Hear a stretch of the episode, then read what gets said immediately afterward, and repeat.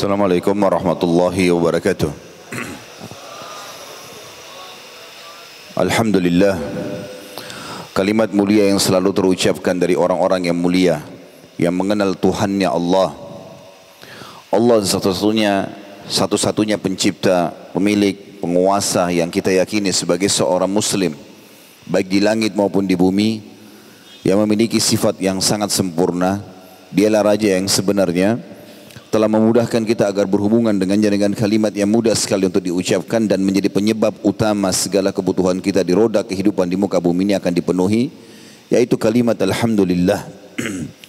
Maka selalulah mengucapkan kalimat ini. Selanjutnya kita panjatkan salam hormat kita kepada manusia terbaik manusia yang tidak dipilih oleh sang pencipta Allah untuk membawa risalah langit. Tidak ada lagi Nabi dan Rasul setelahnya. Dan orang ini telah sukses menjadi seorang suami, seorang ayah, anak, sahabat, bahkan menjadi pakar ekonom dan juga politik. Dan Allah telah menjadikan atau memerintahkan sebagai pencipta kepada kita semua makhluknya untuk menjadikannya sebagai suri tauladan. Kekal dalam firman Allah Subhanahu wa taala, "A'udzu billahi minasyaitonir rajim. Laqad kana lakum fi Rasulillahi uswatun hasanah." Pada diri utusan Allah itu ada suri tauladan buat kalian. Mengucapkan satu kali salam hormat kepadanya dibalas oleh Allah dengan sepuluh kali tambahan rahmat dan rahmat Allah luas sekali. Masuk di dalamnya pengampunan dosa, peninggian derajat dan pemenuhan segala kebutuhan.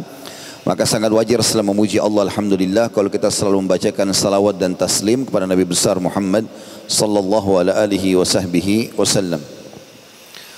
Sebelum kita mulai tema kita tentunya saya ingin menjalankan sunnah Nabi alaihi salatu dalam sabda beliau yang mulia man la yashkurun laman la yashkurun nas la yashkurullah. Siapa yang tidak berterima kasih pada manusia maka belum berterima kasih kepada Allah. Maka saya mengucapkan kepada Pak Wagub secara khusus dan seluruh stafnya serta seluruh masyarakat kota Makassar yang hadir tidak bisa menyebutkan satu persatu. Jazakumullahu khairan telah hadir di dalam majlis kita ini. Semoga Allah subhanahu wa ta'ala mengikhlaskan niat kita semua saya duduk di sini bukan karena lebih pintar daripada anda semuanya, tapi kita menjalankan firman Allah Subhanahu wa taala, "Wa dzakir fa inna dzikra tanfa'ul mu'minin." Saling memberikan peringatanlah karena peringatan sangat bermanfaat bagi orang-orang beriman. Juga menjalankan hadis Nabi alaihi salatu "Ad-dinun nasiha." Agama ini semuanya nasihat. Dan para sahabat mengatakan dalam banyak riwayat-riwayat yang sahih, kami tidak pernah bertemu, kemudian berpisah kecuali kami sudah saling menasihati. Ada riwayat lain menjelaskan kami membaca dan saling mengingatkan 10 ayat Al-Quran. Ada di antara salafus salih walaupun hanya membaca surah Al-Asr sebelum mereka berpisah. Semuanya itu tujuan untuk saling mengingatkan. Karena memang jiwa kita ini butuh selalu dicas. Makanya solat itu setiap hari ada. Bukan sekali seumur hidup. Itu juga dengan berzikir, berdoa. Apa saja ibadah-ibadah ini diulang-ulangi setiap kali mau makan kita baca doa. Setiap kali selesai makan baca doa. Mau tidur, bangun tidur, pakai pakaian, membuka pakaian, masuk rumah, keluar rumah. Hampir seluruh aktivitas, aktivitas kita yang kita lakukan setiap hari selalu terulang. Karena memang manusia butuh untuk itu. Diulang-ulang sehingga bisa selalu tercas keimanannya. Maka saya mengajak diri saya dan teman-teman sekalian untuk mengikhlaskan niat agar kita mengejar keutamaan majlis ilmu dan tidak ada tujuan lain. Siapa pun yang datang karena hanya mencoba saja sebagai seremoni atau testimoni saja sebaiknya diubah niatnya untuk menghadiri majlis ilmu karena terlalu banyak keutamaan majlis ilmu itu tentunya. Sebagaimana di antaranya sabda Nabi alaihi salatu wassalam siapa pun yang keluar ini dihasankan oleh para ulama hadis siapa pun yang keluar ikhlas menuntut ilmu maka dia seperti mendapatkan pahala haji lengkap. Juga dalam riwayat Bukhari siapa yang menuntut ilmu ya ikhlas karena Allah maka dia seperti mujahid di jalan Allah dan sekian banyak keutamaan tentunya yang sudah tidak asing lagi buat kita semua. Saya memilih tema indahnya berzikir teman-teman sekalian karena zikrullah ini adalah ibadah yang paling banyak anjurannya dan memang paling sering dikerjakan. Allah Subhanahu wa taala mengikat kita dengan banyak sekali zikir. Dari bangun tidur sampai tidur lagi. Zikir mau tidur, zikir mau makan, ya, zikir uh, pada saat bangun tidur, zikir pada saat uh, selesai makan, zikir pakai pakaian, buka pakaian, keluar rumah, masuk rumah, bahkan sampai melakukan biologis pun antara suami istri maka juga ada zikrullah. Allah subhanahu wa ta'ala mengikat kita agar kita terbiasa mengingat Allah sang pencipta dan melibatkan Allah dalam segala lini kehidupan kita. Karena siapa pun yang melibatkan Tuhannya maka dia akan sempurna dalam setiap kegiatannya. Dan siapa yang jauh dari Tuhannya maka dia akan jauh dari rahmat Allah. Oleh karena itu teman-teman sekalian kita uh, mengorek atau coba membahas lebih dalam tentang masalah zikrullah ini. Ada buku yang saya bawa, buku ini sebenarnya jumlahnya kurang lebih 400 saja. Ya, tidak lebih dari itu karena kemarin teman-teman dari Jakarta datang uh, sudah kelebihan bagasi. Tapi yang kebagian alhamdulillah, yang belum kebagian qadarullah masyafa'al kami tidak punya lagi tentunya di sini tapi ada di Jakarta. Kalau ada yang sedang main ke Jakarta dan sempat mampir ke tempat kami, insya Allah ada pembagian buku ini gratis juga. Ya. Buku ini sebenarnya dari uh, judul aslinya bahasa Arab Hisnul Muslim yang sangat masyhur ditulis oleh Syekh Said bin Wahf atau bin Wahf Al-Qahtan dan sangat masyhur di Saudi tentunya salah satu referensi yang banyak uh, dipakai tulisan-tulisan buku beliau. Beliau juga menulis uh, buku tentang ruqyah syar'iyyah dan ada buku-buku yang lain yang beliau tulis tapi di antaranya buku ini yang paling masyhur.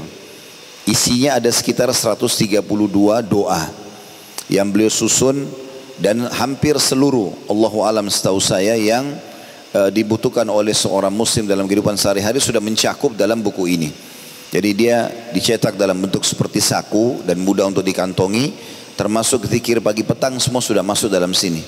Biasanya kita beli buku zikir pagi petang sendiri maka buku ini sudah mencakup semuanya bahkan lebih lengkap lagi karena semua bacaan-bacaan solat seperti ragam bacaan iftitah, ragam bacaan uh, ruku, sujud, i'tidal, uh, duduk di antara dua sujud bahkan kurang lebih hampir 15 macam doa sebelum salam semuanya dinukil oleh beliau di sini dengan lafat-lafat yang jelas dengan dalil-dalil yang jelas dan juga terjemahannya juga sangat jelas ya. Maka tentu buku ini juga saya lihat cukup banyak yang menerbitkan. Kalau yang belum sempat mendapatkan pembagian karena banyaknya Masya Allah jemaah yang hadir, maka eh, bisa anda beli nanti dari tempat lain di toko-toko buku cukup banyak. Mungkin terjemahannya saja yang berbeda. Kalau buku ini kebetulan karena dari yayasan eh, kami terlibat dalam percetakannya, maka kita tulis judulnya kumpulan doa dalam Al-Quran dan Al-Hadis. Tetapi tentu banyak sekali penerbit-penerbit yang menerbitkan buku ini. Insya Allah bisa didapatkan di toko buku dan tidak seberapa nilainya. Insya Allah kalau seingat saya antara 10 ribu sampai 15 ribu rupiah saja. Yang uh, akan saya bedah adalah awal sekali dari lembaran-lembaran buku ini. Karena tidak mungkin kita membedah semuanya doa dan zikir yang disebutkan oleh beliau karena ada 132 doa. Uh, dan ini ada kajian di YouTube saya sudah membedahnya di salah satu kantor di Jakarta, kajian siang, dan kami masih uh, di awal-awalnya. Sudah sampai Alhamdulillah di uh, kajian zikir pagi petang pada saat itu ya bahasannya atau di bab 27. Dan terus berjalan insya Allah kami coba membedah satu persatu tentang doa dan zikir ini. Tetapi ada hal yang menarik di sini adalah yang pertama ya dan saya sarankan teman-teman yang mendapatkan buku ini, kalau anda ingin mem memanfaatkannya, maka Alhamdulillah itu tujuan kami. Tapi kalau anda hanya sekedar mengambil buku dan ditaruh di kantong atau ditaruh di, di rak buku nanti kalau pulang ke rumah, maka bagikanlah kepada orang lain. Agar lebih bermanfaat. Ya, agar lebih bermanfaat. Anda mungkin sudah punya buku ini, saya akan anda bagikan kepada orang lain insya Allah. Kita akan masuk teman-teman sekalian di halaman satu. Kalau yang pegang buku, kan tidak pegang buku bisa mendengarkan insya Allah. Ada keutamaan berzikir di situ. Dan hal yang paling mendasar yang perlu kita titik beratkan sebelum membaca keutamaan ini adalah setiap kali anda ingin untuk termotivasi mengerjakan sebuah ibadah, apa pun sifatnya ibadah itu, maka cari tahu janji Allah di ibadah itu. Misal ingin rajin sholat malam, maka sebelum mengerjakan sholat malam, duduklah sejenak. 5 menit, 10 menit, baca.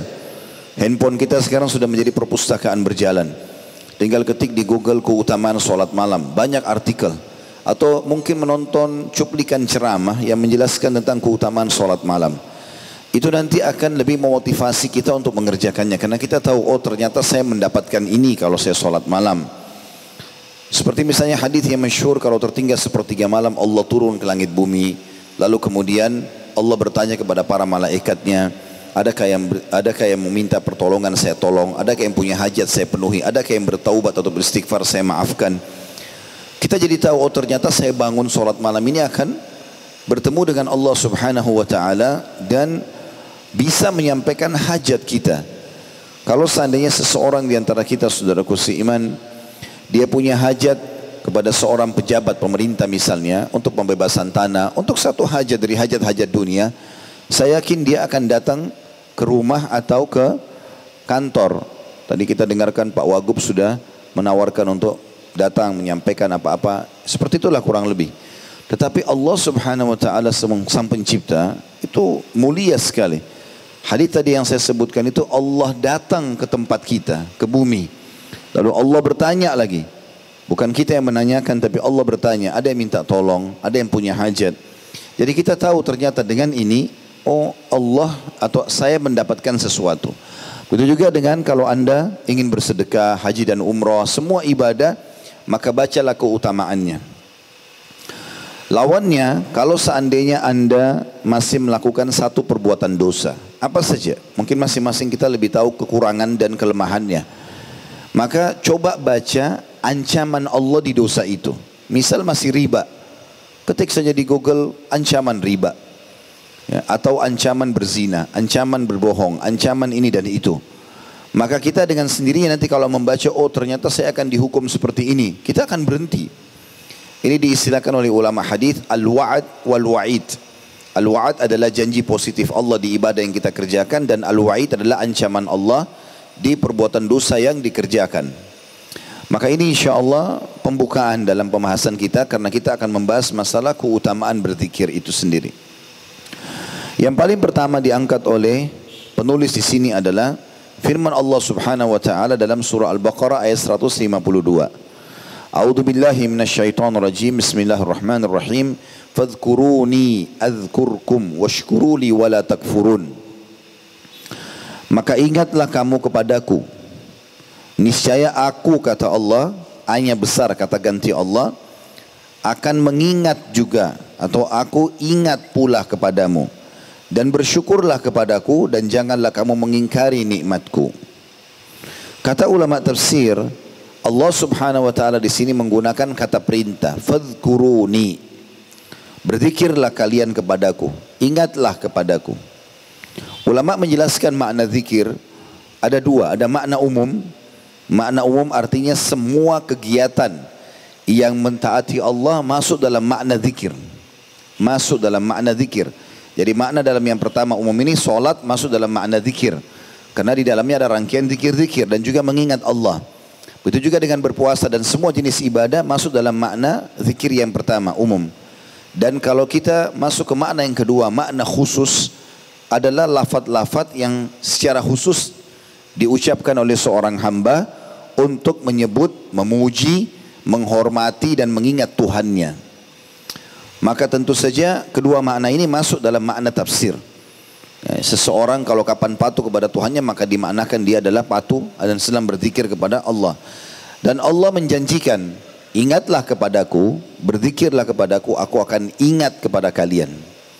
Saya mau kasih contoh rasional. Kalau seseorang di antara kita teman-teman sekalian berteman atau mengenal seorang pejabat pemerintah, misal di sini ada Pak Wagub, masya Allah sudah menyiapkan fasilitas tempat ini. Kalau seandainya ada seseorang di antara kita berteman sama Pak Wagub, kemudian hampir setiap saat disebut. Oh si Fulan saya kenal, si Fulan itu begini. Dan sampailah berita itu kepada kita. Saya yakin itu sudah cukup membuat kita gembira.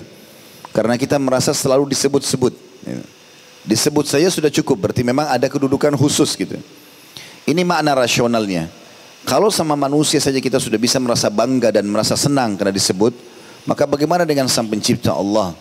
Allah menjanjikan, seringlah sebut aku, berzikirlah kepadaku, aku akan sebut dan ingat juga kamu. Dan bersyukurlah kepadaku, tadi di awal pembukaan yang saya bilang sering mengucapkan salah satu bentuk zikir yang khusus adalah Alhamdulillah. Dan janganlah kalian mengingkari nikmatku. Saksi bahasan kita potongan pertama ayat fadkuruni azkurkum. Juga firman Allah SWT yang diangkat oleh penulis yang kedua adalah surah Ahzab. Al-Ahzab ayat 41 yang bunyinya A'udzubillahi minasyaitonirrajim. Ya ayyuhalladzina amanu dzkurullaha dzikran katsira. Hai sekalian orang-orang yang beriman, berimar berzikirlah atau mengingatlah dan menyebut ya, berzikirlah dengan mengingat dan menyebut Allah dengan zikir yang sebanyak-banyaknya. Ulama tafsir mengatakan makna sebanyak-banyaknya adalah sejumlah yang telah ditentukan oleh Allah. Misalnya sabda Nabi sallallahu alaihi wasallam, aku beristighfar dan bertobat kepada Allah sehari lebih daripada 70 kali. Riwayat lain 100 kali. Kalau ada penentuan jumlah dan bentuk tertentu maka kita amalkan sesuai dengan itu. Walaupun sebagian ulama hadis mengatakan makna daripada Nabi SAW mengatakan aku beristighfar uh, dalam sehari dan bertobat kepada Allah lebih daripada 70 kali bukan pembatasan jumlah. Terbukti para kaum salafus saleh mengamalkan istighfar ini lebih daripada 100 kali. Maka ulama hadis mengatakan ini maksud adalah perlafatnya Nabi SAW beristighfar 100 kali. Seperti hadis Ibnu Umar radhiyallahu anhu mengatakan kami menghitung dalam satu majlis Nabi SAW dalam satu majlis. Artinya Nabi punya beberapa kali majlis dalam sehari. Dalam satu majlis Nabi SAW tidak lebih dari 100 kali membaca Rabbi gfirli wa tub alayya innaka anta tawwabur rahim. Ini Nabi SAW selalu ucapkan. Dan bisa juga Nabi SAW membaca istighfar atau lafad-lafad istighfar yang lain eh, di waktu yang berbeda di hari yang sama maka berarti orang bisa mengamalkan lebih daripada jumlah itu. Ibnu Taimiyah rahimahullah mengatakan, aku pernah menghadapi sebuah masalah yang sangat berat dan aku tidak menemukan solusinya. Maka aku duduk lalu aku beristighfar kepada Allah sebanyak seribu kali.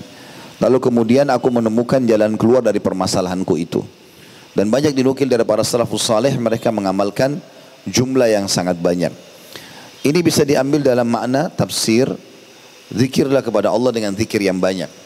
Makna yang lain adalah kata sebagian ulama, makna berzikir dengan Allah zikir yang banyak artinya setiap saat kamu selalu berzikir kepada Allah Subhanahu wa taala dalam setiap keadaan. Tidak ada gerik, tidak ada gerak-gerik kecuali berisi zikirullah. Ya. Saya pernah mendengarkan uh, dinukil dari salah satu murid Syekh bin Bas rahimahullah, uh, Syekh bin Bas rahimahullah pada saat beliau masih hidup, itu tidak pernah berhenti lisannya berzikir kepada Allah.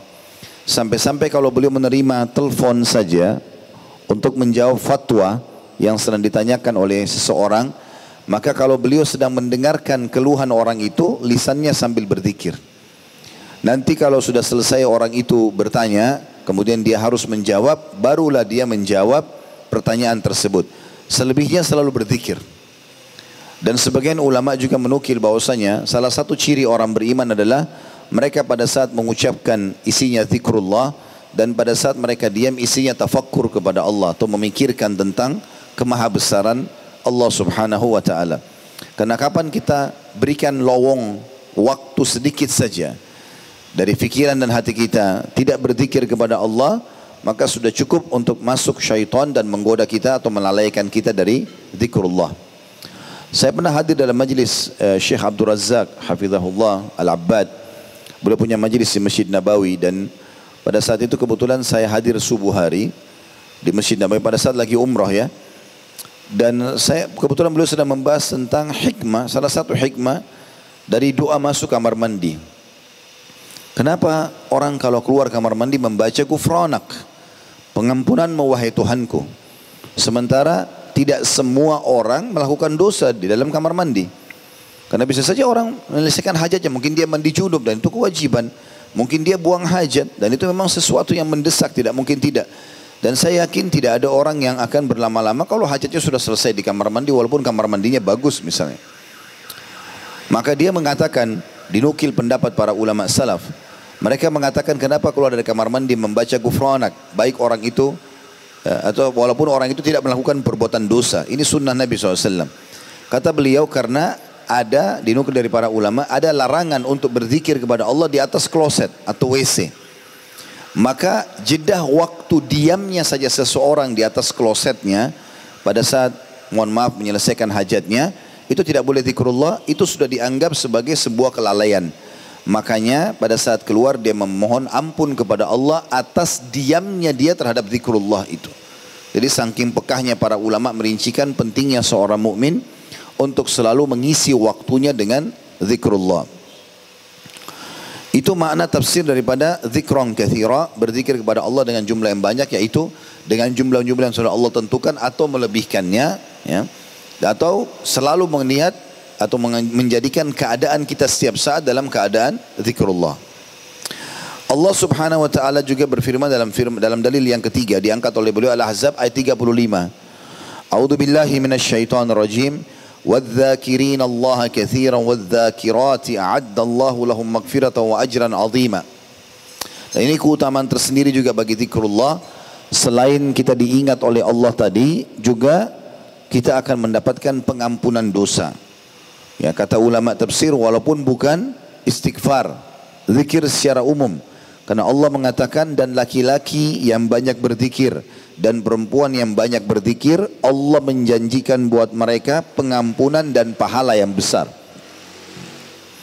Jadi di sini yang disebut zikir adalah semua aktivitas kita yang mengingat Allah Subhanahu wa taala bisa mendatangkan pengampunan dosa.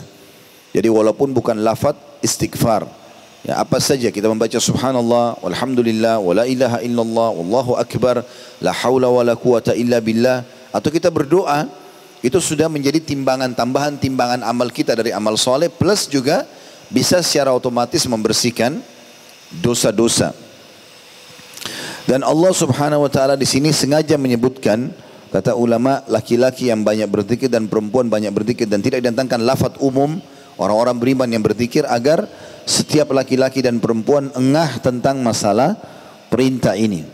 Bahwasanya bukan cuma laki-laki, perempuan pun dipuji oleh Allah Subhanahu wa taala yang banyak berzikir kepada Allah. Kemudian penulis juga mengangkat dalil Al-A'raf 205 dan ini termasuk adab di dalam berzikir. Ini firman Allah perlu digarisbawahi teman-teman Al-A'raf 205. Bahkan ayat ini semestinya dihafal.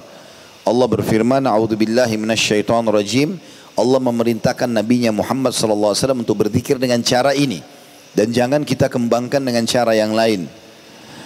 واذكر ربك في نفسك تضرعا وخيفة ودون الجهر من القول بالغدو والآصال ولا تكن من الغافلين Ada tiga hal di sini yang Allah tekankan ya, perhatikan. Dan sebutlah nama Rabbmu, wahai Muhammad. Dalam hatimu dengan merendahkan diri dan rasa takut dan dengan tidak mengeraskan suara di waktu pagi dan petang dan janganlah kamu termasuk orang-orang yang lalai. Di sini dijelaskan oleh para ulama tentang masalah lafaz dan sebutlah nama Rabbmu dalam hatimu maksudnya dengan keikhlasan. Karena ulama mengatakan zikrullah adalah ibadah badan juga. Jadi perlu mengeluarkan suara. Seperti misalnya kalau kita sholat duhur dengan asar. Duhur dan asar itu adalah sholat sir. Sir artinya mengecilkan suara. Bukan menghilangkan suara. Sehingga ulama menekankan tentang pentingnya dalam masalah khusyuk sholat. Untuk khusyuk dalam sholat, membuka mata, kemudian mengeluarkan suara dan memperdengarkan kuping. Sehingga anggota tubuh ini beraktivitas pada saat sedang sholat. Karena kalau kita lagi sholat, kemudian menutup mata, hilanglah keutamaan hadis Nabi Shallallahu Alaihi Wasallam yang diriwayatkan Imam Ahmad. Allah akan selalu memandang wajah hamba yang mengarahkan matanya ke tempat sujudnya. Kemudian juga uh, akan membuka pintu-pintu syaitan. Kalau ada yang menganggap dengan menutup matanya bisa khusyuk, dibantah oleh para ulama atau sebagian ulama karena menutup mata menghilangkan keutamaan tadi Allah memandang wajahnya dan juga ini akan membuka pintu syaitan. Dia paling merasa khusyuk di awal-awal saja, setelah itu dia akan mengkhayal. Apalagi kalau tutup mata, kemudian bacanya dalam hati, tidak ada suara dan gelap, tidurlah dia. Maka semestinya dalam solat sir pun duhur dan asar kita mengeluarkan suara walaupun hanya kita sendiri yang mendengarkannya. Makanya para sahabat mendengarkan lirih sahabat yang lain pada saat sedang sholat walaupun itu adalah duhur dan asar ya. Tidak mengganggu orang di sebelah, tapi kita sendiri. Alhamdulillah Rabbil Alamin, Ar-Rahmanur Rahim, Maliki Yaumiddin. Kita sendiri mendengarkan masalah itu. Jadi dimaksud dengan dalam hatimu bukan di dalam hatinya, tetapi ikhlas dan dia tetap mengucapkannya. Kemudian Allah ingatkan dengan cara merendahkan diri. Merendahkan diri artinya betul-betul dia tahu dia sedang mengingat Allah Subhanahu wa taala. Dan diikuti dengan rasa takut. Dan ini salah satu bagian daripada ibadah diikuti dengan khauf dan roja. Khauf artinya takut Allah Subhanahu wa taala tidak menerimanya sehingga kita berusaha maksimal dalam mengerjakan ibadah itu dan roja berharap agar Allah memberikan pahala yang besar. Dan ini salah satu kaidah ibadah adalah pemahaman ahli sunnah wal jamaah tentang masalah beribadah kepada Allah dengan khauf dan roja ini. Kemudian dan tidak mengeraskan suara. Ini perlu digarisbawahi karena banyak sekali orang berzikir kepada Allah dengan mengeras-ngeraskan suara. Ini firman Allah dari 1400 tahun yang lalu. Allah Subhanahu wa taala memerintahkan nabinya Muhammad sallallahu alaihi wasallam untuk tidak mengeraskan suara dan ini berhubungan sekali dengan hadis Bukhari yang lain.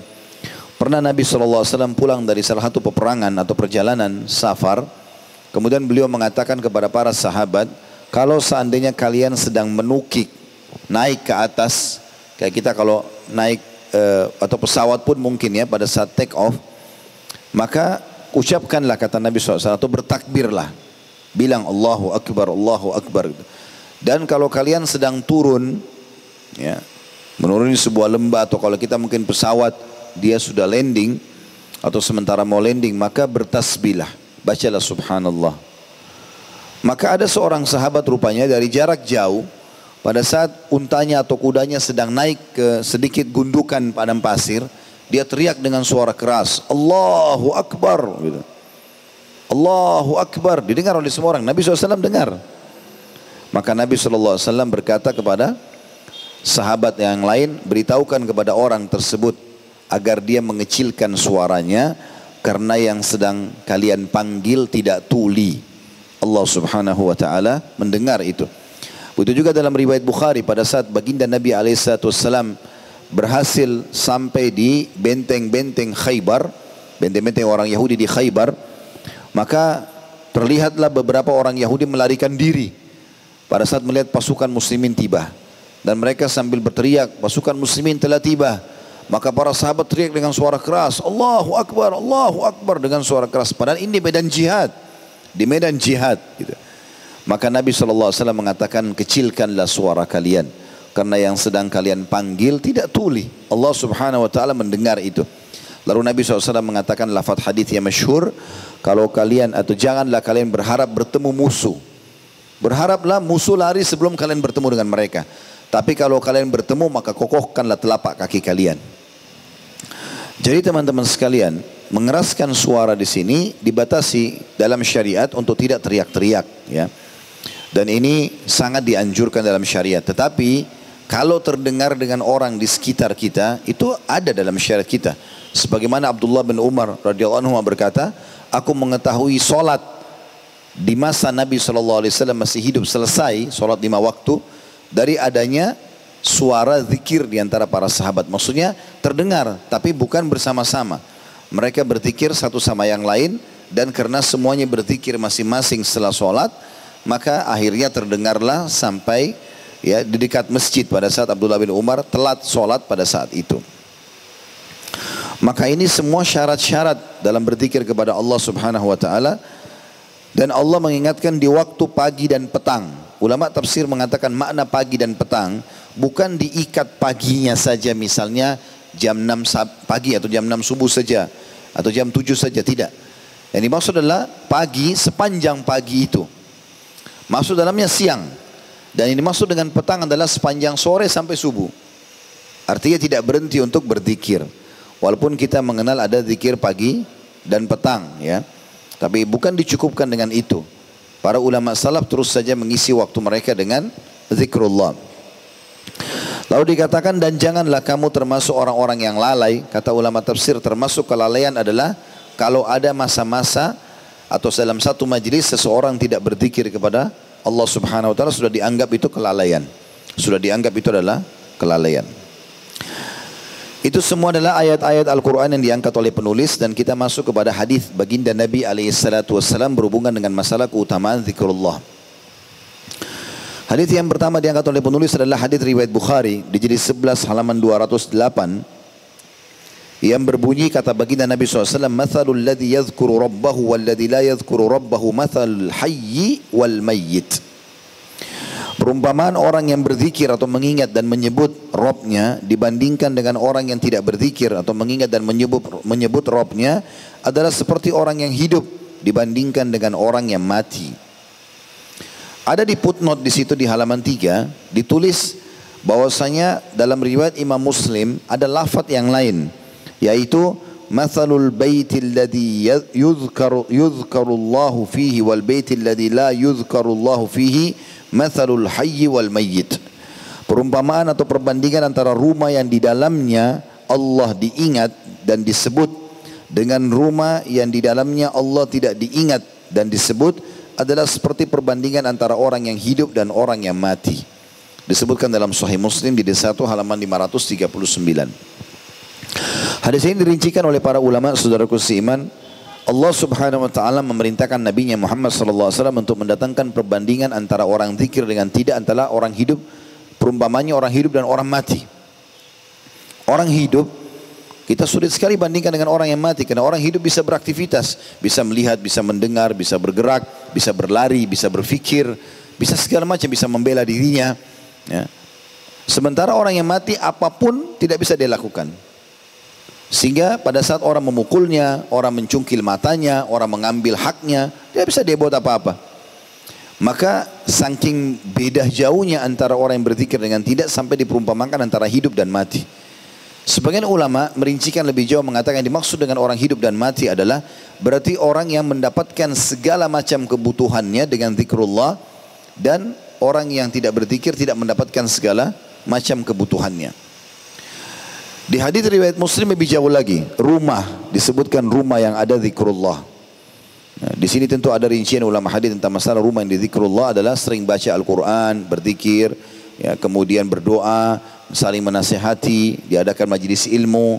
Tidak adanya hal-hal yang bisa membuat malaikat tidak masuk ke dalam rumah seperti patung, gambar, ya, musik dan semua ini dan ada sebuah buku saya pernah baca, saya tidak ingat penulisnya siapa, tapi buku judulnya Rumah-Rumah Tidak Dimasuki Oleh Malaikat. Saya sarankan Anda membeli buku itu tentunya. Ada 38 jenis rumah yang tidak masuk malaikat. Maknanya adalah di situ akan jauh dari zikrullah. Dan dianggap rumah yang mati. ya Rumah yang mati. Subhanallah rumah yang sering zikrullah. Walaupun rumah itu sederhana, kecil, gubuk. Kita kalau masuk merasa nyaman. Dan rumah semewah apa pun kalau tidak pernah ada zikrullah maka seperti perumpamaan hadis Nabi SAW adalah mayit atau seperti rumah orang mati, kuburan. Kalau kita lihat tidak akan ada aktivitas apa-apa. Walaupun kuburan itu mau dibuat semegah apa pun, tidak ada apa-apa di dalamnya. Tidak ada kenyamanan juga untuk berlama-lama di sana. Seperti itulah kurang lebih. Lebih jauh daripada itu adalah hadis yang kedua tentang keutamaan zikrullah adalah hadis yang sangat mulia. Saya subhanallah setiap kali membaca hadis ini selalu termotivasi lagi untuk mulai berzikir ya, dan memperbanyak zikrullah karena ini luar biasa gitu. Hadis ini diriwayatkan oleh Tirmidzi di jilid 5 halaman 459 dan Ibnu Majah jilid 2 halaman 1245 dan juga ini disebutkan dalam Sahih Tirmidzi dan juga Sahih Ibnu Majah yang ditulis oleh Syekh Albani rahimahullah. Rasulullah SAW bersabda, "Ala unabbiukum bi khairi amalikum." وأزكاها عند مليككم وأرفعها في درجاتكم وخير لكم من إنفاق الذهب والورق وخير لكم من أن تلقوا عدوكم فتضربوا عناقهم ويضربوا عناقكم قالوا بلى. قال ذكر الله تعالى. Maukah aku beritakan kata Nabi SAW kepada kalian perbuatan kalian yang paling baik? Makna baik adalah tidak ada di atasnya lagi. Perbuatan yang paling besar pahalanya. Paling suci di sisi raja kalian. Maksudnya Allah subhanahu wa ta'ala. Paling tinggi dalam derajat kalian. Maksudnya paling cepat mengangkat derajat kalian di surga. Lebih baik bagi kalian daripada menginfakkan emas dan perak. Ya, walaupun sebanyak apa pun kita keluarkan emas dan perak, tetap perbuatan ini lebih baik lagi. Dan bahkan lebih baik bagi kalian daripada kalian bertemu dengan musuh kalian, lantas kalian memenggal leher mereka dan mereka memenggal leher kalian. Artinya kalian membunuh mereka, yang kita sudah tahu hadisnya ya. Kata Nabi SAW tidak akan bersatu antara seorang muslim dan kafir yang bertemu di medan perang dalam neraka. Maksudnya seorang muslim kalau membunuh kafir dalam di, di medan perang dia akan masuk ke dalam surga dan si kafir akan masuk dalam neraka. Itu saja ya. Mati syahid pun kita dibunuh oleh musuh pun masih terkalahkan oleh amalan ini. Maka para sahabat berkata, tentu wahai Rasulullah, siapa yang enggak mau ini? Luar biasa. Dia adalah amal yang paling baik, maksudnya paling besar pahalanya, paling suci di sisi Allah, paling cepat mengangkat derajat dan juga lebih baik daripada menginfakkan emas dan perak. Di sini Nabi SAW datangkan harta yang paling berharga bagi manusia, emas dan perak. Dan juga lebih baik bagi kalian daripada kalian bertemu dengan musuh kalian, kalian menebas leher mereka, membunuh mereka sehingga tidak bersatu di neraka. Dan juga kalian dibunuh, ditebas leher kalian, maksudnya kalian mati syahid. Maka kata para sahabat tentu ya Rasulullah, kata Nabi SAW berzikir atau mengingat dan menyebut Allah Ta'ala. Jadi subhanallah kita lagi di motor, lagi di mobil, lagi di jalan, antri belanjaan, apa saja. Akhi dan ukhti, jangan haramkan diri kita dari keutamaan ini. Zikrullah, astagfirullah wa atubu ilai, astagfirullah wa atubu ilai. Banyak sekali keutamaannya. Kata Nabi SAW, siapa yang melazimi istighfar, selalu lisannya astagfirullah wa atubu ilai, maka Allah akan memberikan dia jalan keluar dari setiap permasalahannya. Dan akan menghilangkan kesedihannya serta akan memberikan rezeki dari tempat yang tidak disangka-sangka. Apa ruginya kita membaca ini? Saya pernah praktikin teman-teman satu menit bisa seratus kali itu. Astagfirullah wa atubu ilaih, astagfirullah wa atubu ilaih. Antum lagi di lampu merah, zikrullah. Daripada lihat helmnya orang warna apa, mobil motor orang merek apa, peduli atau membahas masalah keadaan orang lain, zikrullah. Ucapkan la haula wa la quwata illa billah yang kata Nabi SAW, kanzum min kunuzil jannah, harta simpanannya surga. Kata ulama, maksudnya di antara maknanya adalah la haula wala quwata illa billah kalau disebutkan maka seluruh fasilitas surga ditambahkan oleh Allah. Terus juga ada kalimat yang kata Nabi SAW, empat kalimat Nabi aku cintai daripada terbitnya matahari. Subhanallah, walhamdulillah, wala ilaha illallah, wallahu akbar. Salawat kata Nabi SAW, siapa yang membaca salawat kepada aku sekali, maka Allah akan membacakan atau memberikan kepada dia atau memberikan salam kepadanya 10 kali atau menambahkan rahmat untuknya 10 kali. Apa susahnya membaca Allahumma salli ala Muhammad, Allahumma salli ala Muhammad, Allahumma salli ala Muhammad. Sebentar saja itu diucapkan dari zikir kepada zikrullah, gitu kan? Terus saja kita bisa mengamalkan masalah itu. Saya mendapatkan sebuah kisah tentang salah satu Khalifah Uthmani. Dia selalu merutinkan membaca salawat pada Nabi SAW sehari seribu kali. Setiap hari.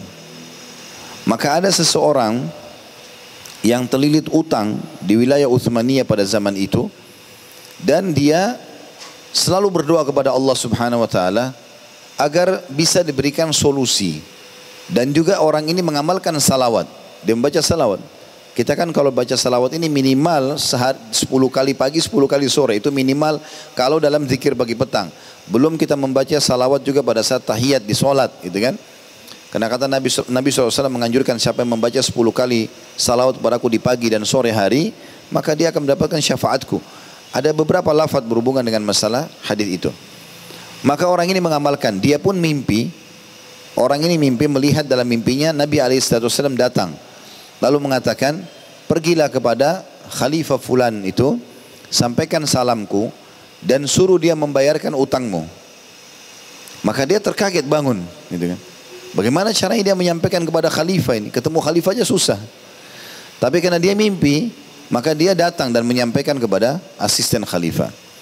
Dan dalam mimpi itu, kata Nabi SAW, kalau dia bertanya mana buktinya, maka katakan bahwasanya dia kemarin berzikir atau membaca salawat kepadaku, biasanya dia baca seribu tapi kali ini kurang, kurang beberapa lafad dan dia tahu berapa jumlah kurangnya 10 atau sekian gitu. Ya, saya lupa kisahnya tapi jelas seperti itu.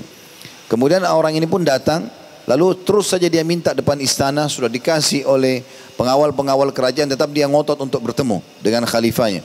Sampai akhirnya seorang petugas khalifah atau pengawal khalifah masuk dan mengatakan, di depan istana ada orang gila wahai Amir Mukminin atau wahai Sultan, dipanggil Sultan pada saat itu.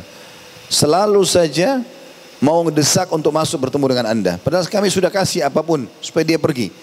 Kata Sultan waktu itu masukkan dia. Waktu masukkan dia mengatakan, kenapa kau? Dia bilang, ya Amir, uh, wahai Sultan, saya ada pesan dari Nabi SAW untuk anda.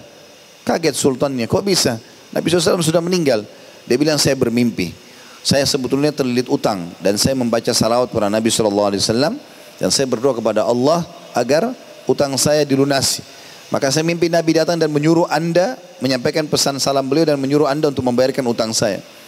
Maka Khalifah bertanya, apa buktinya kalau memang kau sudah mimpi Nabi SAW?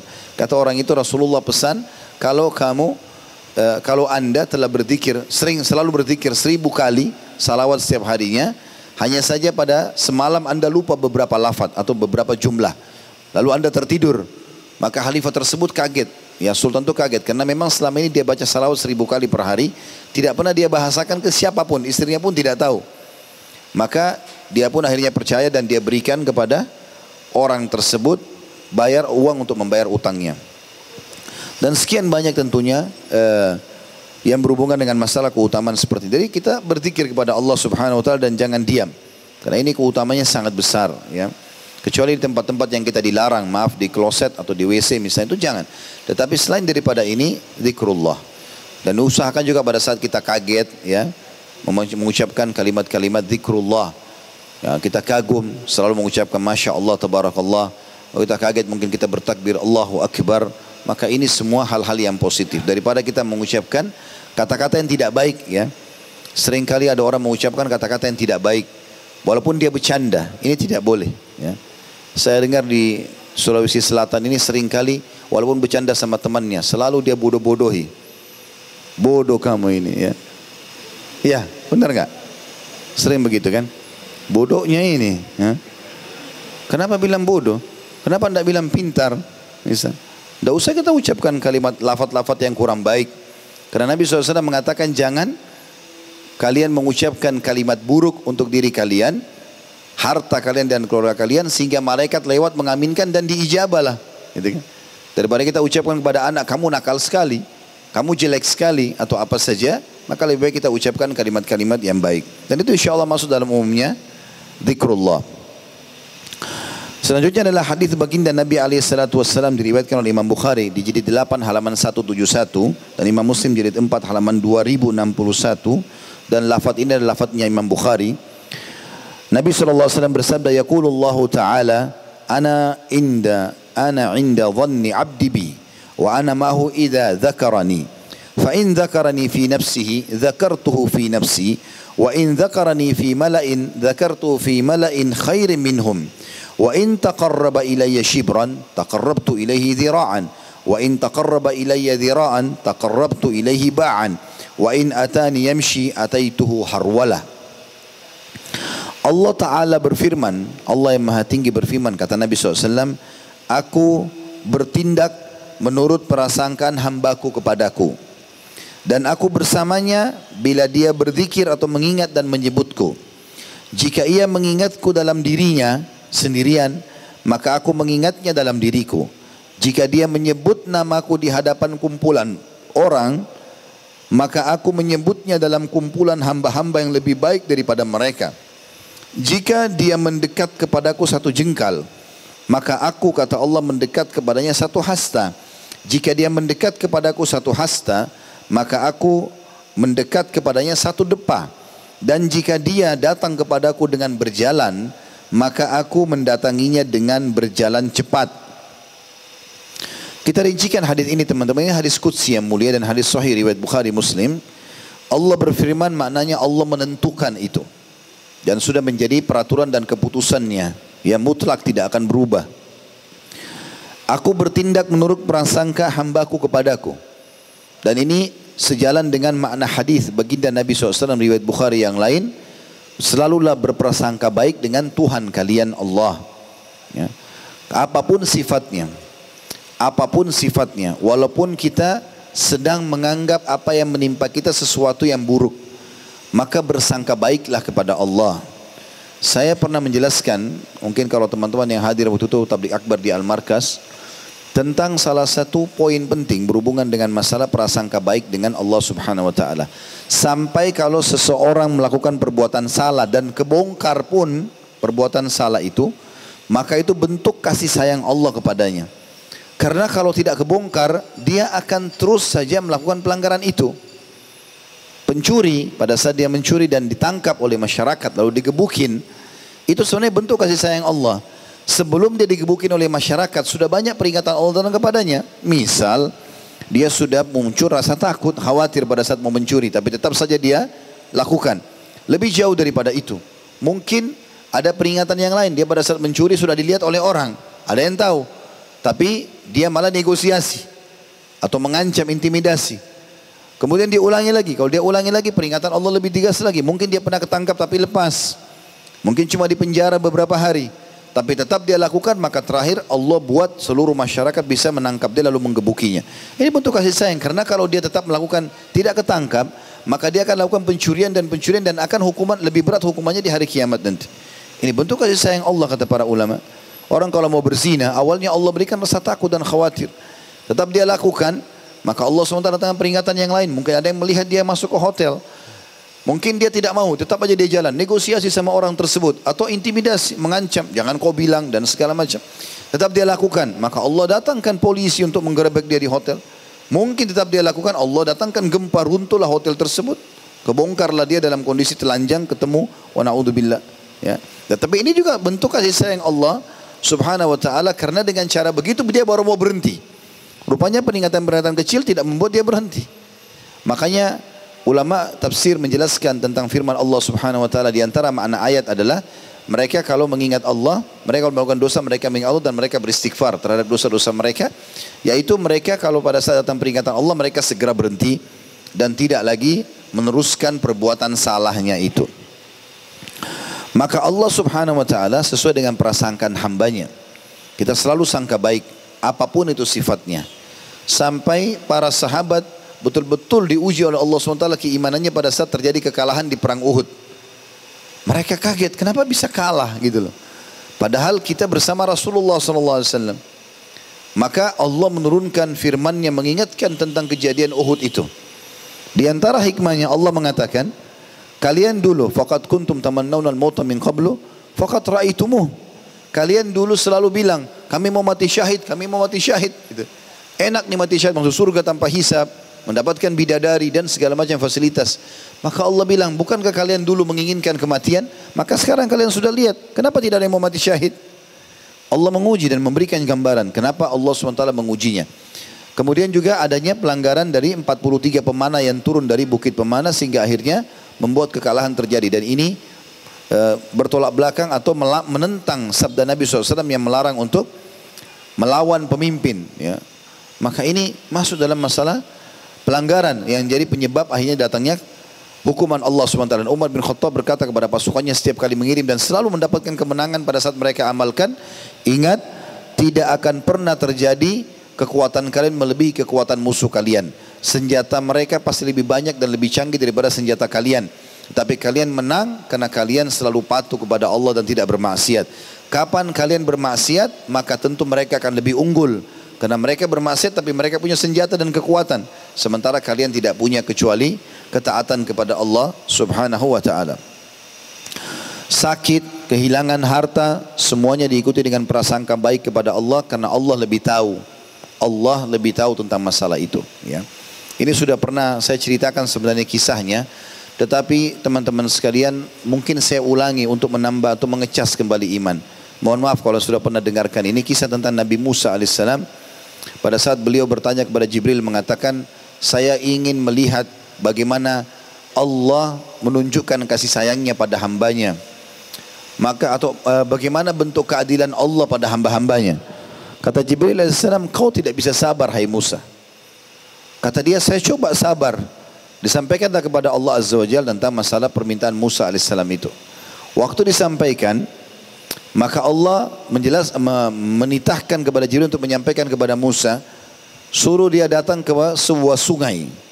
Tidak usah buat apa-apa, hanya melihat saja dari jauh. apa yang terjadi di sekitar sungai itu.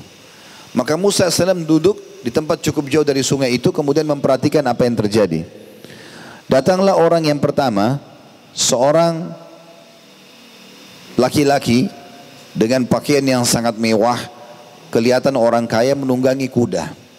Dia lihat ada air di sungai, dia haus, dia turun dari kudanya, kemudian dia minum di air atau sungai tersebut.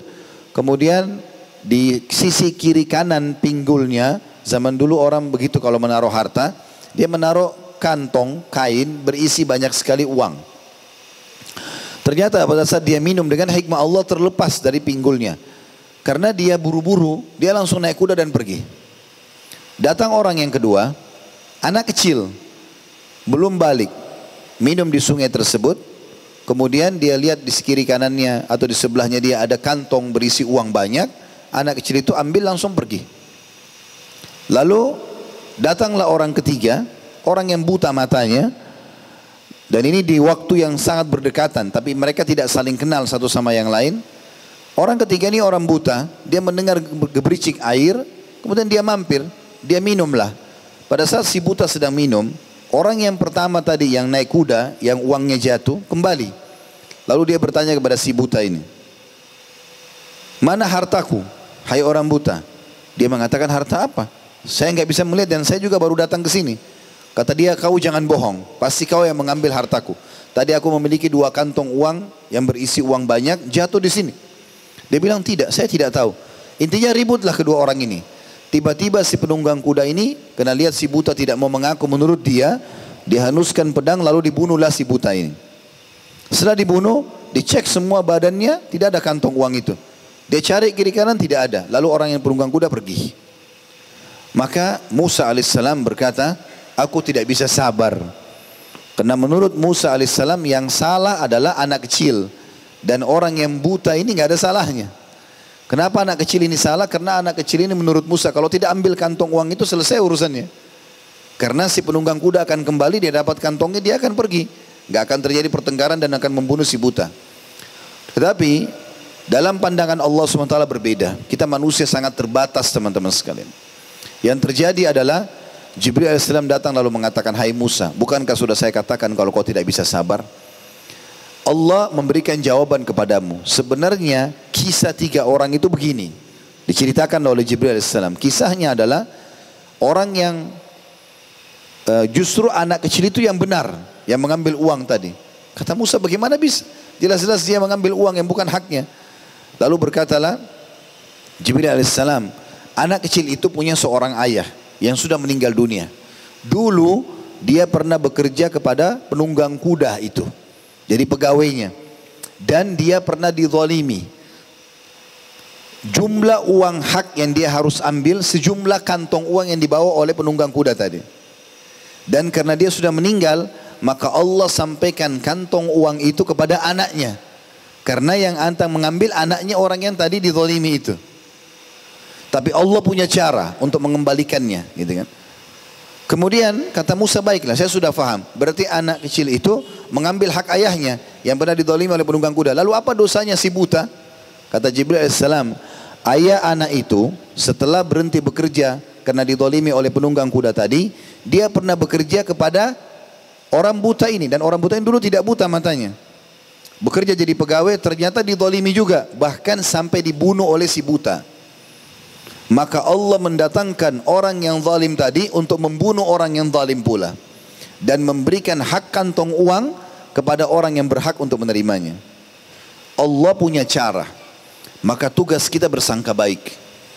Kita tidak pernah tahu teman-teman, keterbatasan ilmu kita luar biasa. Kita bahkan tidak pernah tahu, mungkin sekarang di tempat yang teman-teman duduk ini kita tidak pernah tahu berapa ekor semut yang sedang jalan. Atau di rumput di sebelah kita itu. Atau bahkan kita tidak pernah tahu apa yang sedang terjadi di sekitar rumah kita atau di sekitar kota kita karena keterbatasan ilmu kita. Kita bahkan tidak pernah tahu teman-teman makanan yang masuk ke tubuh kita mana yang jadi nutrisi, mana yang jadi kotoran. Keterbatasan ilmu kita. Tapi Allah SWT maha tahu semua itu. Kalau seorang hamba menghiasi hatinya dengan keimanan dan dia sangka baik dengan Allah, maka Allah akan memberikan sesuai dengan prasangka dia. Pasti Allah sedang menegur saya. Allah mengingatkan. Maka kita tahu itu. Pernah ada seorang pengusaha muslim tinggal di Eropa. Saya dapat kisahnya seperti itu. Dia ingin safar dan ada meeting penting. Bernilai sangat mahal pertemuan itu. Pada saat dia tiba di bandara, pesawat belum terbang tapi sudah ditutup pintunya. Udah nggak bisa lagi. Maka dia pun akhirnya memohon-mohon di konter sudah tidak bisa. Saya ada pertemuan penting nggak bisa. Saya mau bayar tambahan nggak bisa. Pesawat sudah ditutup pintunya. Padahal belum terbang. Dia terus menggerutu gimana nih. Tapi udah nggak bisa. Apa boleh buat? Terpaksa dia batalin meetingnya. Dia tunda ke penerbangan setelahnya. Lalu kemudian dia coba duduk dan menenangkan diri. Sambil dia berzikir kepada Allah SWT. Dia coba tenangkan dirinya. 15 menit pesawat itu terbang. Dia dapat informasi ternyata pesawat itu meledak di atas pesawat, di atas udara. Maka yang tadinya dia merasa rugi dengan pesawat tidak jadi terbang, ternyata atau dia tidak jadi ikut terbang bersama pesawat tersebut ternyata adalah kebaikan buat dia. Berapa banyak orang yang tidak jadi naik bus, dia anggap itu buruk bagi dia ternyata bus itu jatuh di jurang misalnya atau dia tidak jadi menikah sama seseorang. Berapa banyak orang tidak tahu ternyata memang itu kebaikan buat dia. Kita bersangka baik. Kenapa saya lamar berapa kali orang ini tidak pernah diterima ya? Mungkin itu kebaikan. Dari mana kita tahu? Mungkin secara zahir dia baik. Mungkin setelah menikah dia tidak baik. Allahu alam. Kita tidak tahu.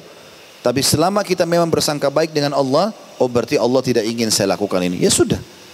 Atau kita bertemu dengan seseorang, oh memang Allah ingin saya melakukan ini pada dia. Maka kita bersangka baik, Allah SWT akan berikan sesuai dengan prasangka. Tentu bahasan ini cukup panjang dalam masalah prasangka kepada Allah, tapi ini sebagiannya saja.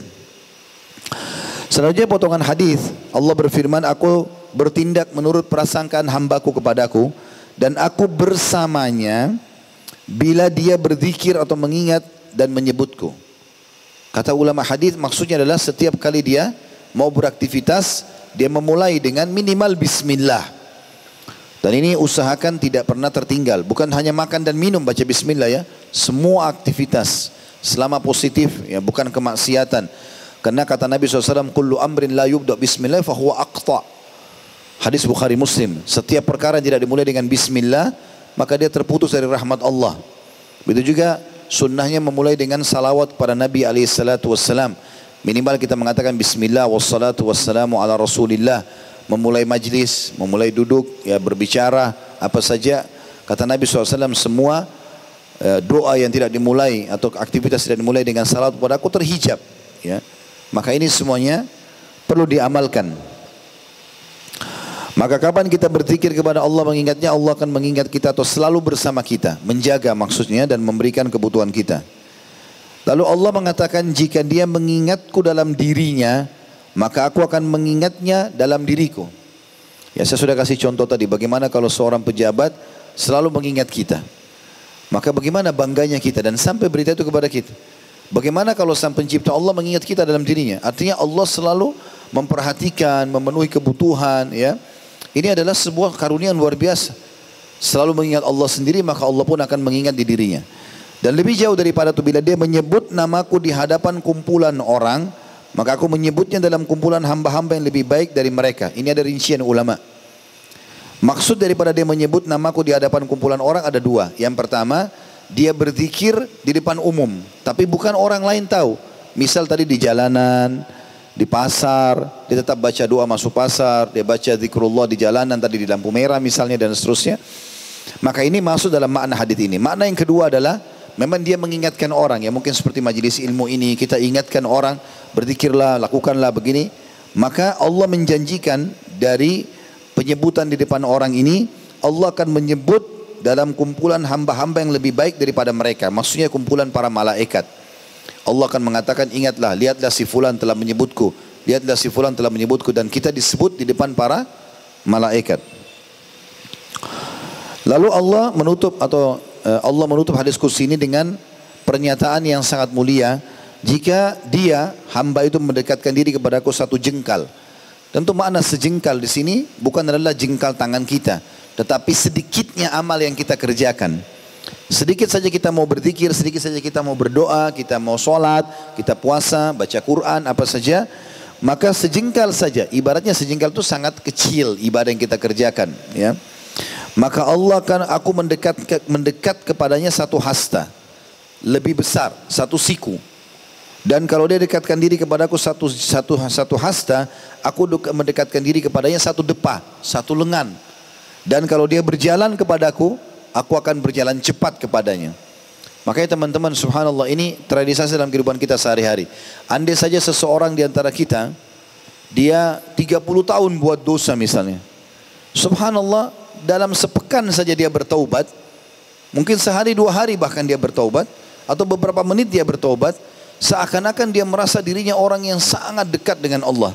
Terasa air mata ngucur dengan sendirinya, terasa lisan menyebutkan penyesalan, lalu ada upaya untuk meninggalkan sesuatu yang tidak baik misalnya atau teman-teman atau komunitas yang tidak baik.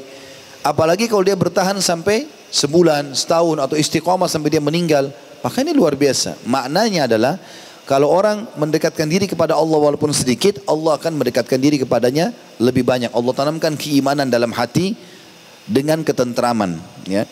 Makanya orang baru hijrah saja kita lihat sudah banyak perubahan yang terjadi. Karena Allah tanamkan keimanan kepada dirinya. Kemudian hadis selanjutnya adalah hadis sahabat yang mulia Abdullah bin Bushr, Abdullah bin Busr radhiyallahu anhu bahwa seorang laki-laki pernah berkata, "Wahai Rasulullah, sesungguhnya syariat Islam telah banyak bagiku. Oleh karena itu beritahukan aku sesuatu yang aku bisa berpegang teguh kepadanya." Maknanya adalah ada amal-amal yang di antara semua syarat ini yang paling besar pahalanya, yang mudah aku lakukan. Gitu. Maka beliau SAW bersabda di dalam hadis yang diriwayatkan Tirmidzi jilid 5 halaman 458 dan Ibnu Majah jilid 2 halaman 1246 dan ini disahihkan oleh Syekh Albani dalam Sahih Tirmidzi dan Sahih Ibnu Majah. Kata Nabi SAW, La yazalu lisanuka ratban min zikrillah. Hendaklah lidahmu selalu basah dengan berzikir atau mengingat dan menyebut Allah. Selanjutnya diangkat oleh uh, penulis di sini beberapa hadis ini dalam penutupan bahasan kita tentang masalah uh, keutamaan membaca Al-Quran. Termasuk zikir yang paling mulia adalah membaca Al-Quran. Karena tadi saya bilang salah satu makna zikir adalah yang umum semua kegiatan ibadah masuk dalamnya makna zikir atau yang khusus adalah penyebutan lafaz-lafaz mengingat Allah di antaranya membaca Al-Qur'an, kitabullah. Dan di antara hadis yang mulia yang sudah kita tahu tentunya hadis yang diriwayatkan Tirmizi jilid 5 halaman 175 dan ini disebutkan juga dalam Sahih Tirmizi di jilid 3 halaman 9 Baginda Nabi SAW mengatakan mengkara harfan min kitabillahi falahu bihi hasana wal hasanatu bi asyri amsalha la aqulu alif lam mim harf walakin alifun harfun walamun harfun wa mimun harf. Barang siapa yang membaca satu huruf dari kitab Allah Al-Quran maka dia mendapat satu kebaikan dan satu kebaikan dilipat gandakan menjadi sepuluh kali lipat. Aku tidak mengatakan alif lam mim itu satu huruf tapi aku akan tetapi alif satu huruf dihitung satu huruf lam satu huruf dan mim satu huruf ini tentu sudah masyhur sekali hadis ini tentang masalah keutamaan membaca Al-Quran. Tentu banyak sekali di antaranya hadis Nabi SAW riwayat Bukhari Muslim. Iqra'ul Quran fa innahu ya'ti syafi'in ahli yaumal qiyamah. Bacalah selalu Al-Quran karena dia akan menjadi penolong bagi pembacanya pada hari kiamat. Juga dalam lafaz yang lain kata Nabi SAW, ya, sesungguhnya puasa dan Al-Quran menjadi penolong bagi pelakunya pada hari kiamat. Al-Quran akan mengatakan, Ya Allah aku telah menahannya untuk untuk tidur di malam hari, karena dia baca dalam solat malamnya, maka masukkanlah ia dalam surga dengan dengan izinmu ya melalui aku. Atau syafi'hu bi ya tolonglah dia melalui aku. Kemudian puasa mengatakan aku telah menahannya dari lapar dan haus siang hari maka tolonglah ia untuk masuk ke dalam surga melalui aku dan disebutkan untuk menyempurnakan makna atau uh, yang dimaksud dengan membaca Al-Quran ini keutamanya adalah hadis setelahnya hadis masyhur Uqbah bin Amir radhiyallahu anhu beliau berkata خرج رسول الله صلى الله عليه وسلم ونحن في الصفة فقال أيكم يحب أن يغدو كل يوم إلى بطحان أو إلى الأقيق فيأتي منه بناقتين قوموين في غير إثم ولا قطيئة الرحم ولا قطيئة رحم فقلنا يا رسول الله نحب ذلك Qala afala yagdu ahadukum ilal masjidi faya'lam aw yakra'u ayataini min kitabillahi azza wa jal khairun lahu min naqatain wa thalathun khairun lahu min thalath wa arba'un khairun lahu min arba'a wa min, wa min a'dadahinna minal, minal ibil. Rasulullah SAW pernah keluar dan kami ketika itu sedang duduk di emperan masjid. Dan yang dimaksud dengan sufa di sini dalam bahasa Arab sebenarnya bukan emperan masjid ya. Lebih tepatnya memang ada dikenal dengan Ashabus Suffah. Itu dinukil oleh para ulama hadis dan juga dinukil dalam buku-buku sirah. Sufa adalah sebuah lokasi yang berada pas di belakang masjid Nabi alaihissalatu wassalam dan bisa menampung sekitar 300 orang. Di situ dipenuhi oleh para sahabat penuntut ilmu, terutama dari orang-orang yang miskin. Maka dikenal dengan Ashabus Sufa. Salah satu dari Ashabus Sufa yang masyhur adalah Uqbah bin Amirin radhiyallahu anhum. Lalu beliau bersabda kepada para sahabat ini, jadi memang yang paling sering mendengarkan sabda Nabi termasuk ayat Al-Quran yang turun adalah Ashabus Suffah. Karena kalau turun kepada Nabi SAW di rumah beliau wahyu atau di sekitar masjidnya maka beliau langsung bertemu dengan Ashabus Suffah karena mereka standby tinggal di situ. Nabi SAW yang membiayai hidup mereka, mereka tinggal duduk untuk menuntut ilmu saja. Maka Nabi SAW bersabda kepada mereka, orang-orang sufa ini, kebetulan mereka adalah orang-orang miskin sahabat. Kata Nabi, siapakah di antara kalian yang senang, mau, sehingga dia gembira, berangkat di pagi hari setiap hari ke Buthan atau Al-Aqiq. Buthan dan Aqiq adalah nama dua lembah di Madinah yang masyhur, lembah yang besar sekali. Kalau lembah Buthan dan Aqiq ini terkenal, sampai sekarang di Madinah masih ada. Terutama lembah Aqiq. Lembah Aqiq ini dulu berada pas di depan kampus kami di Madinah. Seringkali kalau hujan turun di Madinah dipenuhi oleh air lembah ini. Lembah ini dianggap sangat jauh waktu itu di zaman Nabi SAW. Bahkan di zaman Nabi belum ada yang tinggal di lembah itu. Belum ada sama sekali. Lembah Akik itu dihuni dikatakan oleh ahli sejarah di zaman Uthman bin Affan. Makanya Uthman mengadakan azan untuk Jumat dua kali. Tapi perbedaannya antara azan pertama sama azan kedua adalah ukuran 50 ayat. Ya. Artinya cukup lama. Dan azan pertama itu bukan untuk sholat atau bukan waktu sholat masuk tapi peringatan. Karena sudah terlalu jauh jarak masyarakat Madinah sampai tinggal di Akik. Akik ini kurang lebih 7 km dari Masjid Nabawi. Di zaman itu ya. Jadi Nabi SAW berikan gambaran ada dua lembah nih di Madinah. Lembah banyak di Madinah. Tapi ini yang masyhur, yang besar dan jauh dari penduduk Madinah. Buthan dan Akik.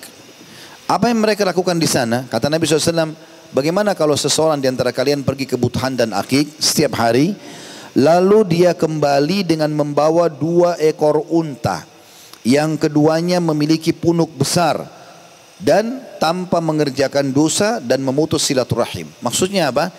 Unta yang dia ambil bukan hasil curian, bukan dia ambil hak kerabatnya, bukan juga dia curi dari orang lain. Itu maknanya, tanpa dosa maksudnya bukan curian. Dan juga tanpa memutus silaturahim bukan punya kerabatnya. Jadi rupanya di lembah ini sering kali ada unta liar di badan pasir lewat di situ. Maka orang kalau masuk situ nunggu, mungkin ada unta-unta yang lewat ditangkap sama mereka, maka jadi haknya karena unta liar tidak ada yang punya, milik Allah Subhanahu wa taala. Maka Nabi SAW berikan gambaran, bagaimana kalau seseorang di antara kalian dalam kondisi mereka miskin di Sufa itu pergi ke Buthan dan Akik Lalu tiap hari dia pergi, selalu dia dapat dua ekor unta. Tidak cukup dua ekor unta, bukan anak unta. Tapi unta yang punuknya sudah besar. Punuk itu yang berada di punggung unta yang menggembung. Itu biasanya unta di atas lima tahun umurnya. Dan harganya sudah sangat mahal. Ya. Tergantung jenisnya. Maka itu bisa sampai ratusan juta rupiah. Maka siapa di antara kalian yang mau begitu? Tiap hari dia pergi, dia selalu bawa pulang tiap hari dua ekor unta. Dapat ratusan juta rupiah kalau kita bukan mencuri, bukan putus silaturahim. Maka para sahabat langsung mengatakan, wahai Rasulullah, kami suka itu. Kami mau itu. Dan perlu teman-teman tahu ya, unta itu tunggangan yang paling mewah bagi mereka di zaman itu. Sama kita sekarang mobil-mobil mewah, mobil Alphard dan yang lainnya misalnya. Siapa yang mau pergi ke lembah ini dapat dua mobil Alphard tanpa mencuri, misal. Ya. Maka kami berkata, wahai Rasulullah, kami suka itu, kami mau itu.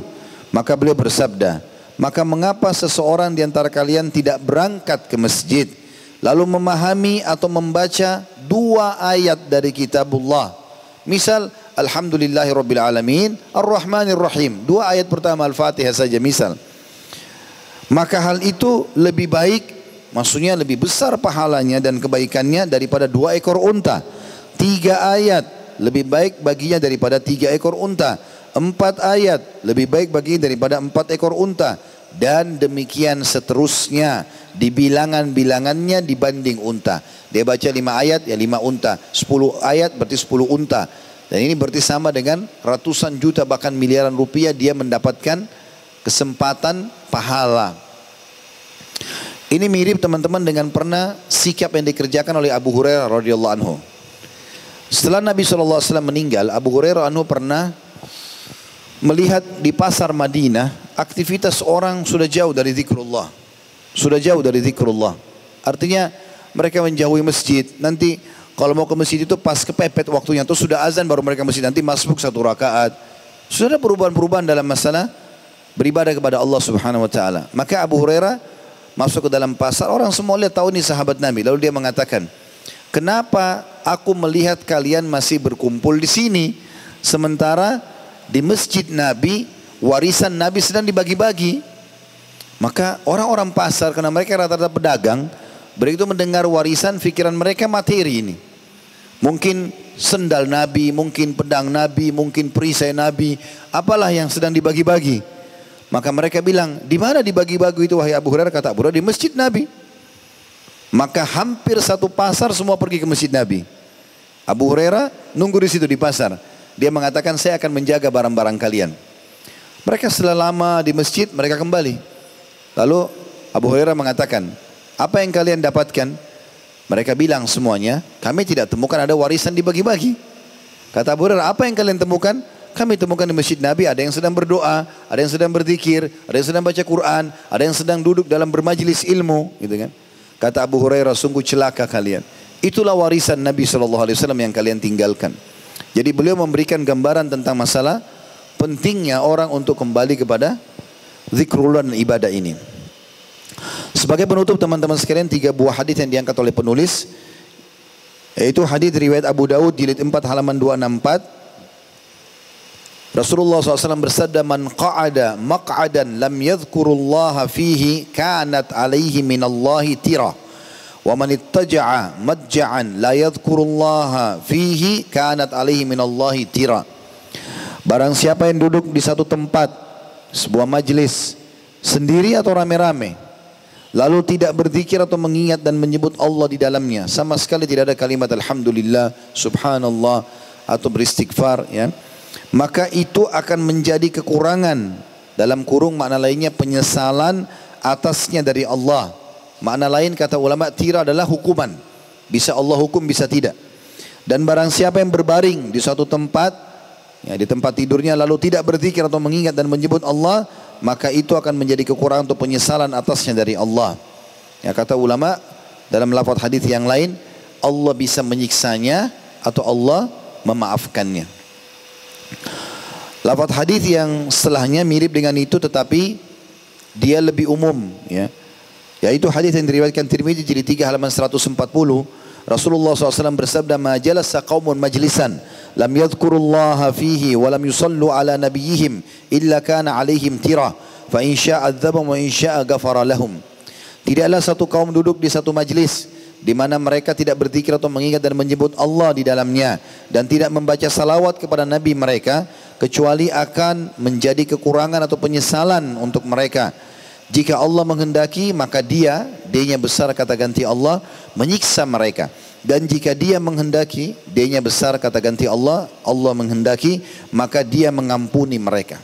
Artinya mereka bisa disiksa oleh Allah hanya karena lalai seperti itu.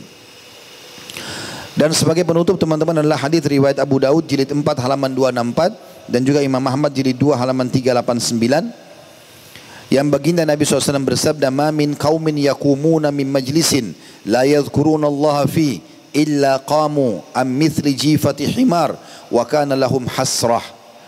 Tidaklah satu kaum berdiri bubar dari satu majlis. Majlis maknanya duduk, walaupun cuma duduk-duduk nongkrong-nongkrong, ya ngobrol. Ini masuk dalamnya di masjid, di mobil, di jalanan, di rumah, ya.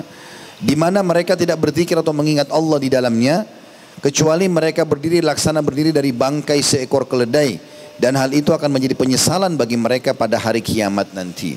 Artinya ancamannya sangat besar sekali.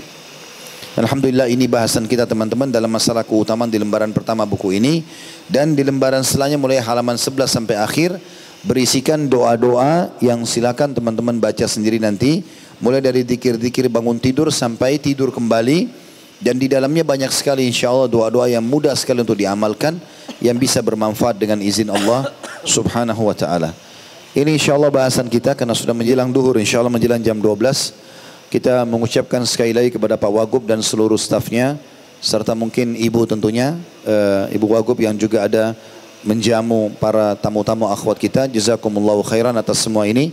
Dan juga kepada teman-teman semuanya. Jazakumullahu khairan sudah hadir. Semoga ini semua Allah SWT jadikan sebagai tambahan amal kita pada hari kiamat dan semoga seluruh amal yang pernah kita kerjakan, yang sedang kita kerjakan dan akan kita kerjakan semua diterima dengan pahala yang sempurna.